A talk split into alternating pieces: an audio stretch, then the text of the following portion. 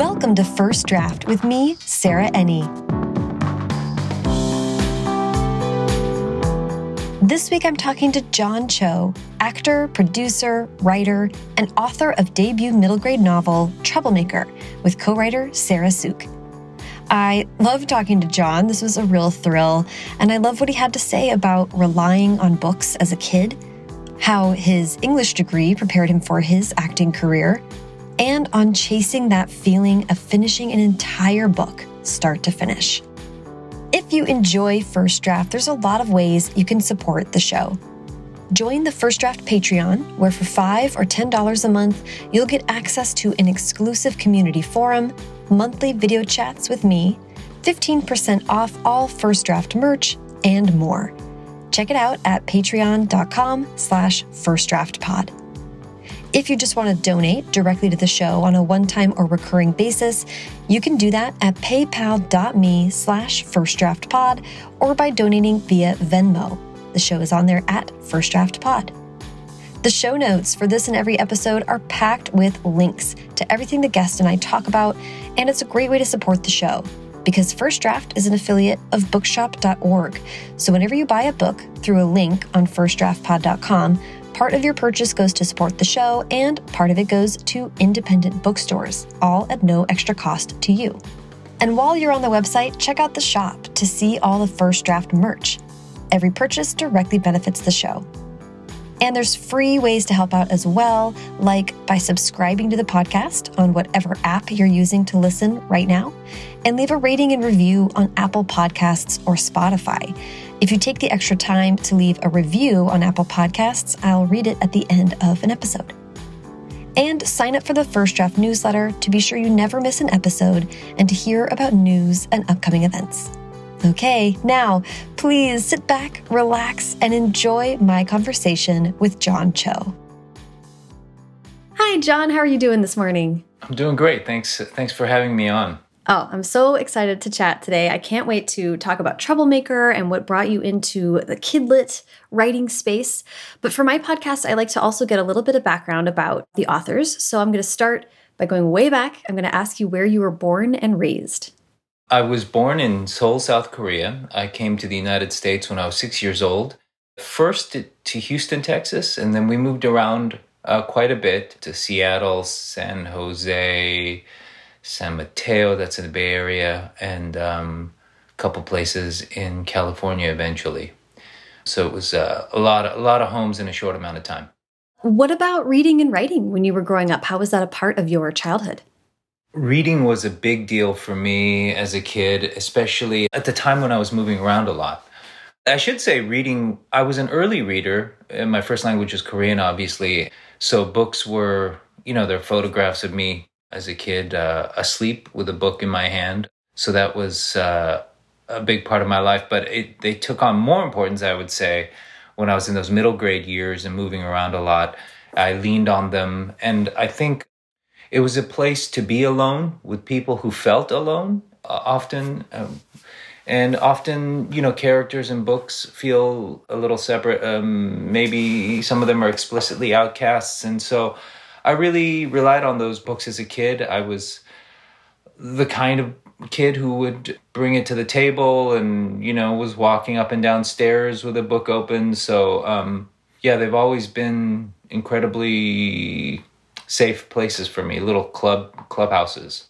Yeah, I heard you describe that talking about that time in your life and books at that time as being maybe even life-saving for you. Yeah. I desperately needed a place to individuate and a place to have an inner life. And if you're moving around a lot and have trouble making friends because of that, then books become all those things. Your best friend, you know there are extracurricular activities that you're traveling when you're poor. And so um yeah they they really saved my life. And i'm sure that's why i you know when i went to college i decided to major in english and to keep that feeling going. I, I, until i discovered acting too i didn't know what i was going to do with my life. And i think uh, in college I, I I was trying to decide what to do next, and my only plan was really how do I keep reading books? Like, mm-hmm. what what's going to keep me doing that more. Maybe I'll get another degree you know? Uh, just keep doing it?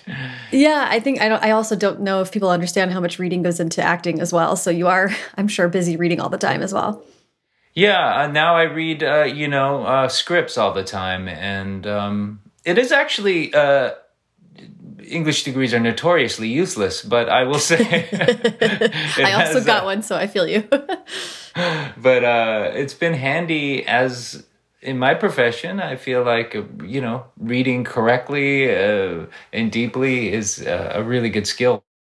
Yeah, absolutely. I'm interested about you learning English as a second language and developing and learning, perfecting your English. Because I've read interviews with you where you've said that you, for a long time, didn't feel like acting was a legitimate career path because you didn't see Asians on TV or in movies. And I wonder if you saw any more representation in books or, or kind of that level of like development or representation in the written word. You know, when I was younger, I wasn't really aware of Asian American authors. I will say the one you know, my, my, my favorite book series as a kid was um, Little House on the Prairie. And I think I saw such a, a comp to the immigrant experience, you know, being a pioneer and uh, particularly because we were the only Chos in America. I just felt a kinship with the Ingalls family there. But I was also thinking about another sort of a historical account that I really enjoyed as a kid, which is Jade Snow Wong's uh, Fifth Chinese Daughter, which was a very fascinating insight into a Chinese American family in San Francisco in the late 1800s, I want to say. So I, I was fascinated by unseen cultures captured in books. Um, my first professional play was based on um, a book by Maxine Hong Kingston called Woman Warrior it was always fitting because I was so fascinated by that book and all these issues of what is the correct representation of Asians in America and who gets to decide all that seem to be the same ones that we confronted later on in the entertainment industry. So I forget what your original question was, I, I, apologize. No, that's but, okay. But I guess I've been thinking about culture in books uh, for a long time. Yeah, absolutely. I want to just briefly, because you're well known as an actor, I'm interested at what point in your career did you think you wanted to step back into books? I think it was my representatives who brought up the idea, and I sat with it for a while. And what convinced me to do it, because I, ha- I have had trouble writing before. Um, I've tried writing, and I, I realized I'm not particularly good anymore at solitary activity versus social activity, which is what acting is, collaborating with people. But um, I thought that I might want to have a book with an Asian boy on the cover for me as a kid. That would have been such a such a stupendous event to walk into a library and see this kid looking back at me and because books are so important at that age to me I thought, I think this is worthwhile, and I wanted to try it. I just had a different idea in mind, and it was really the events of 2020 that caused me to change course and think about a different book entirely. And it was just us at home in the early days of the coronavirus pandemic. And uh, because my kids were home, they were watching the Black Lives Matter protests and um, watching all these reports of the anti-Asian violence, and it caused me to think back to Rodney King and imagine what it might have been for a Korean kid watching these news reports, and um, so this idea came kind of in a flash, and uh, I'm I sort of ran with it, and I'm even now I'm I'm I'm wondering why I did it and trying to understand what I put on the page. Recently, you know, my father called me and said, um, I read the book and I said, What'd you think? He said, uh, It was great. I, I've been thinking about me as a dad and those, you know, raising you. And so it's been making me think about that. And I said, Please explain. And he said, I'm not ready to talk to you about it yet. and uh, so I guess I've excavated some personal stuff, but that I wasn't aware of. It just it all happened really fast. What can I say? Right, right. Yeah. But uh, by the way, also in publishing time, that is pretty fast. so yeah. you you seem to have gotten this gotten this uh, out admirably quickly. But I think if I have the timeline right, you had already decided to try to write a novel, and you knew you wanted to go for a middle grade audience. Yes, and you you do have two kids that are around that age, um, so that feels like yes. super appropriate. You have the kind of test crew at home to run yeah, ideas right. by. I was reading a lot of those out loud, and so I I, I thought, oh well, I'm thinking about it. I'm, it's in the air. yeah, um, and then you had this idea to do something totally different. I think your first idea was a mystery. Is that right? Yes, I, I love mystery as a kid. Those were those were my little escape pods. Yeah, and I I have this quote from you that you were talking about mysteries that you said you wanted to write a mystery because it provided a place where the nonsensical made sense at an age when I was learning that the world didn't always operate as promised. And it kind of strikes me that the book you ended up writing kind of tackles the same thing about maybe. how yeah. Yeah. That the world doesn't operate the way that that is intended or hoped at all and how struggle how hard that is to deal with when you're that age. I think that's um maybe all good literature for that age is addressing the central problem of being that age, which is discomfort at being that age, making the transition to adulthood, you know, making those first steps into adulthood, starting to individuate yourself from your parents and um, a lot of it's chemical, of course, you know, trying to define an identity that's separate from your parents, from school, from what society tells you you are, and you start to have an inner life that is really quite different from the years prior. I see it with my boy who's 13 right now.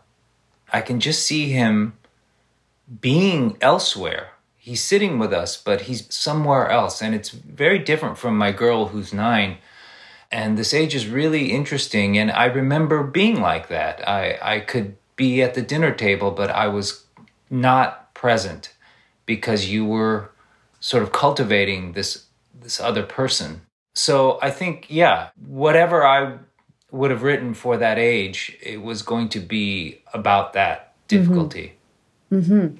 yeah and and before we get too much further i actually just want to pause and give you the chance to pitch Troublemaker officially for us. So, what is Troublemaker about? Sorry if this is long winded, but the story is essentially uh, Jordan Park, a 12 year old kid. He's a bit of a troublemaker, comes home suspended from school, and finds that his parents are home unexpectedly in the middle of the day. And it's because the verdict for the Rodney King trial has been read and the officers have been set free, and there's unrest building. His dad decides to go back to their store in South Central to board it up in case there's trouble. The families at home watching the news. They become increasingly anxious and worried. And so Jordan uh, decides to make the ill advised decision to um, take his father's gun without permission and take it to him for protection. And the story is that night as he tries to get across Los Angeles to deliver a gun to his father. I want to ask about um, your experience of the LA riots as a young person. I think you were 18 when that happened. I was almost 20. I was at college and uh, I was watching it on television. My remembrance of it is first, it was the call to home to see whether they had, for some reason, gone into Koreatown and asking whether we knew anyone who was affected. But after that relief, and the negative answer, I I, I just went into a state of panic because I was sort of afraid. I think I was afraid that big violence was going to break out, that the men on the roofs with the guns would shoot someone, they would get shot, and it would lead to more and more casualties. So I was very, very anxious about it. And I'm sure that there was a bit of, I hesitate to say this, but shame. Like it was the model minority myth was something that uh, especially in our generation, my generation, we had really internalized. So it was like, what are you doing?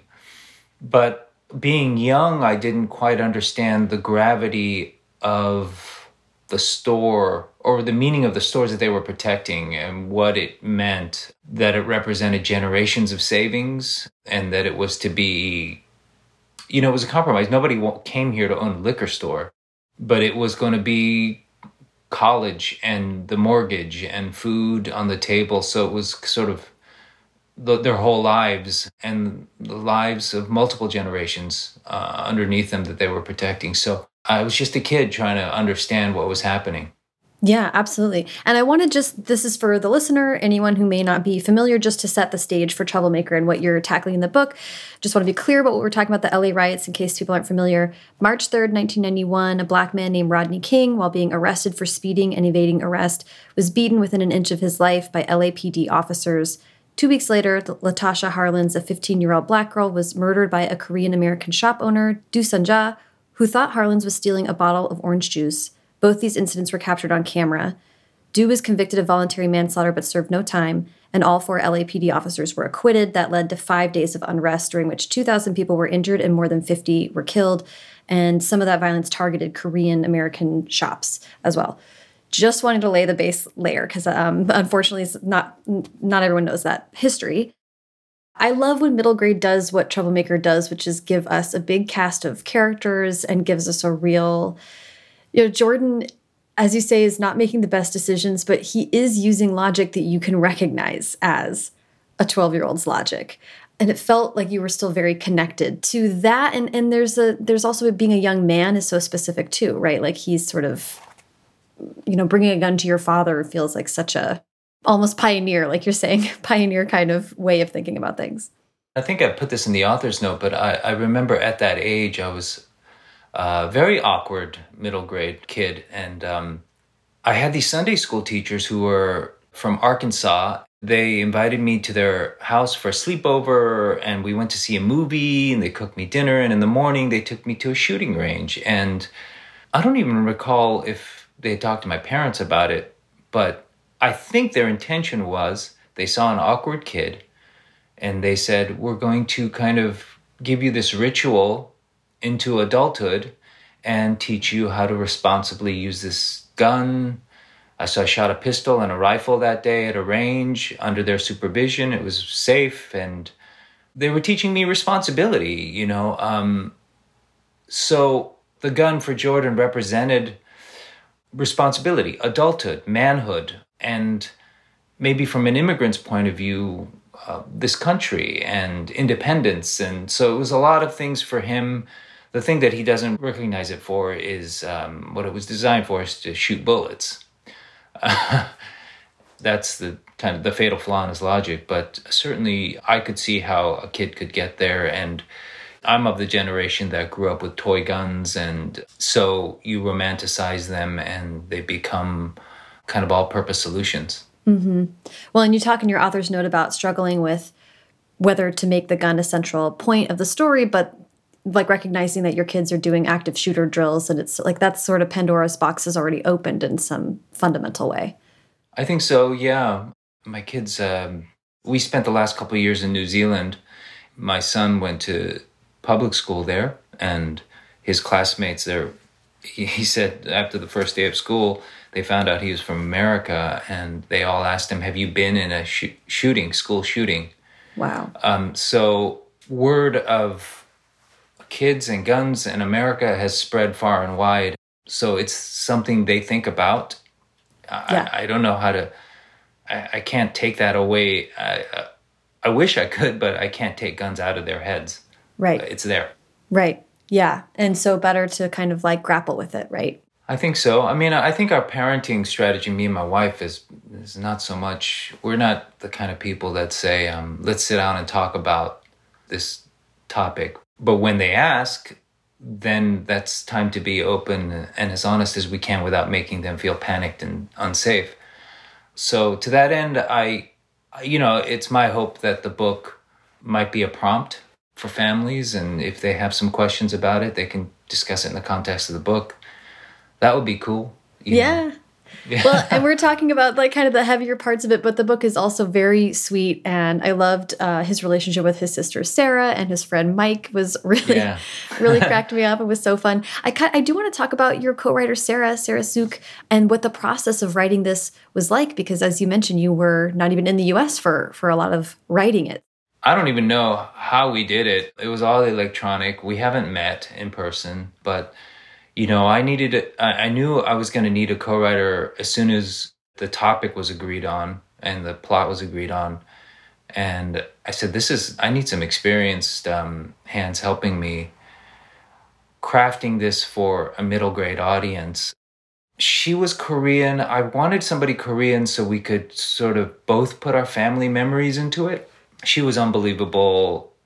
So we spent the first part of it was just talking everything out via Zoom, FaceTime, over the phone. And I was uh, shooting at the time, so we were doing it in the car uh, on the way to work and and at lunchtime and on the weekends. And then it was pages, email back and forth, and somehow we stitched it together.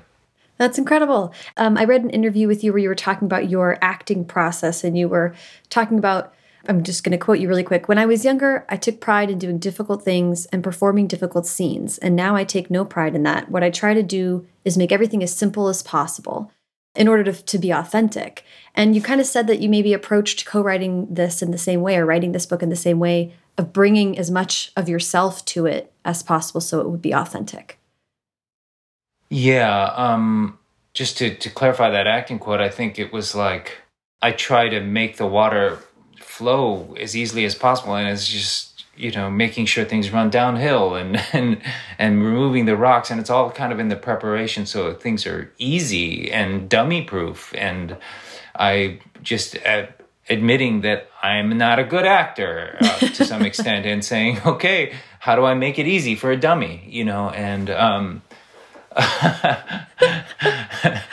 and I might so, argue with that, but that's a good, but, a good approach. that's sort of the process now. And with the book, because we didn't know anyone directly involved and didn't have any personal experience with the riots uh, themselves, that what we wanted to do to substitute that was in the family dynamics and the cultural dynamics, and wanted to put details from our families and our friends as much as possible. So it got really. it got really specific too. I mean, I remember saying there's a character named Hedang who drives a Toyota Supra, and uh, I think I told Sarah it needs to be a Toyota Supra, and she had just co- chosen a color and, and wrote a paragraph, and it, it, had, it said red, and I said, I don't think it's red. I think. and I called a friend and I said, I think that would have been seen because uh, uh, we were, we were gorillas. Uh, uh, it was the 1990s, and I said I think that was seen as a chick car back then. Mm, um, mm-hmm. Uh, it's got to be silver. oh, see, my guess was going to be Wizard the Turtle. Very specific. the the uh, subtle star of the, of the whole thing. Um, that well just briefly in, in the in the minute i have left i'd love to hear about whether you're interested in writing more or what you have coming up in in book world. Sure yeah um i'd i'd like to get back into this space if possible and um i don't know what it would be. This has been such a, a kind of a big thunderbolt in my life. I'm not sure what the next thing is but all i can say is that this has been unexpectedly gratifying. No matter what the reception is critical or sales or whatever just having started something and finished it is, is so fulfilling in a way that I wouldn't have predicted, and it's emboldened me in a lot of different other areas. And um, I would like to chase this feeling again.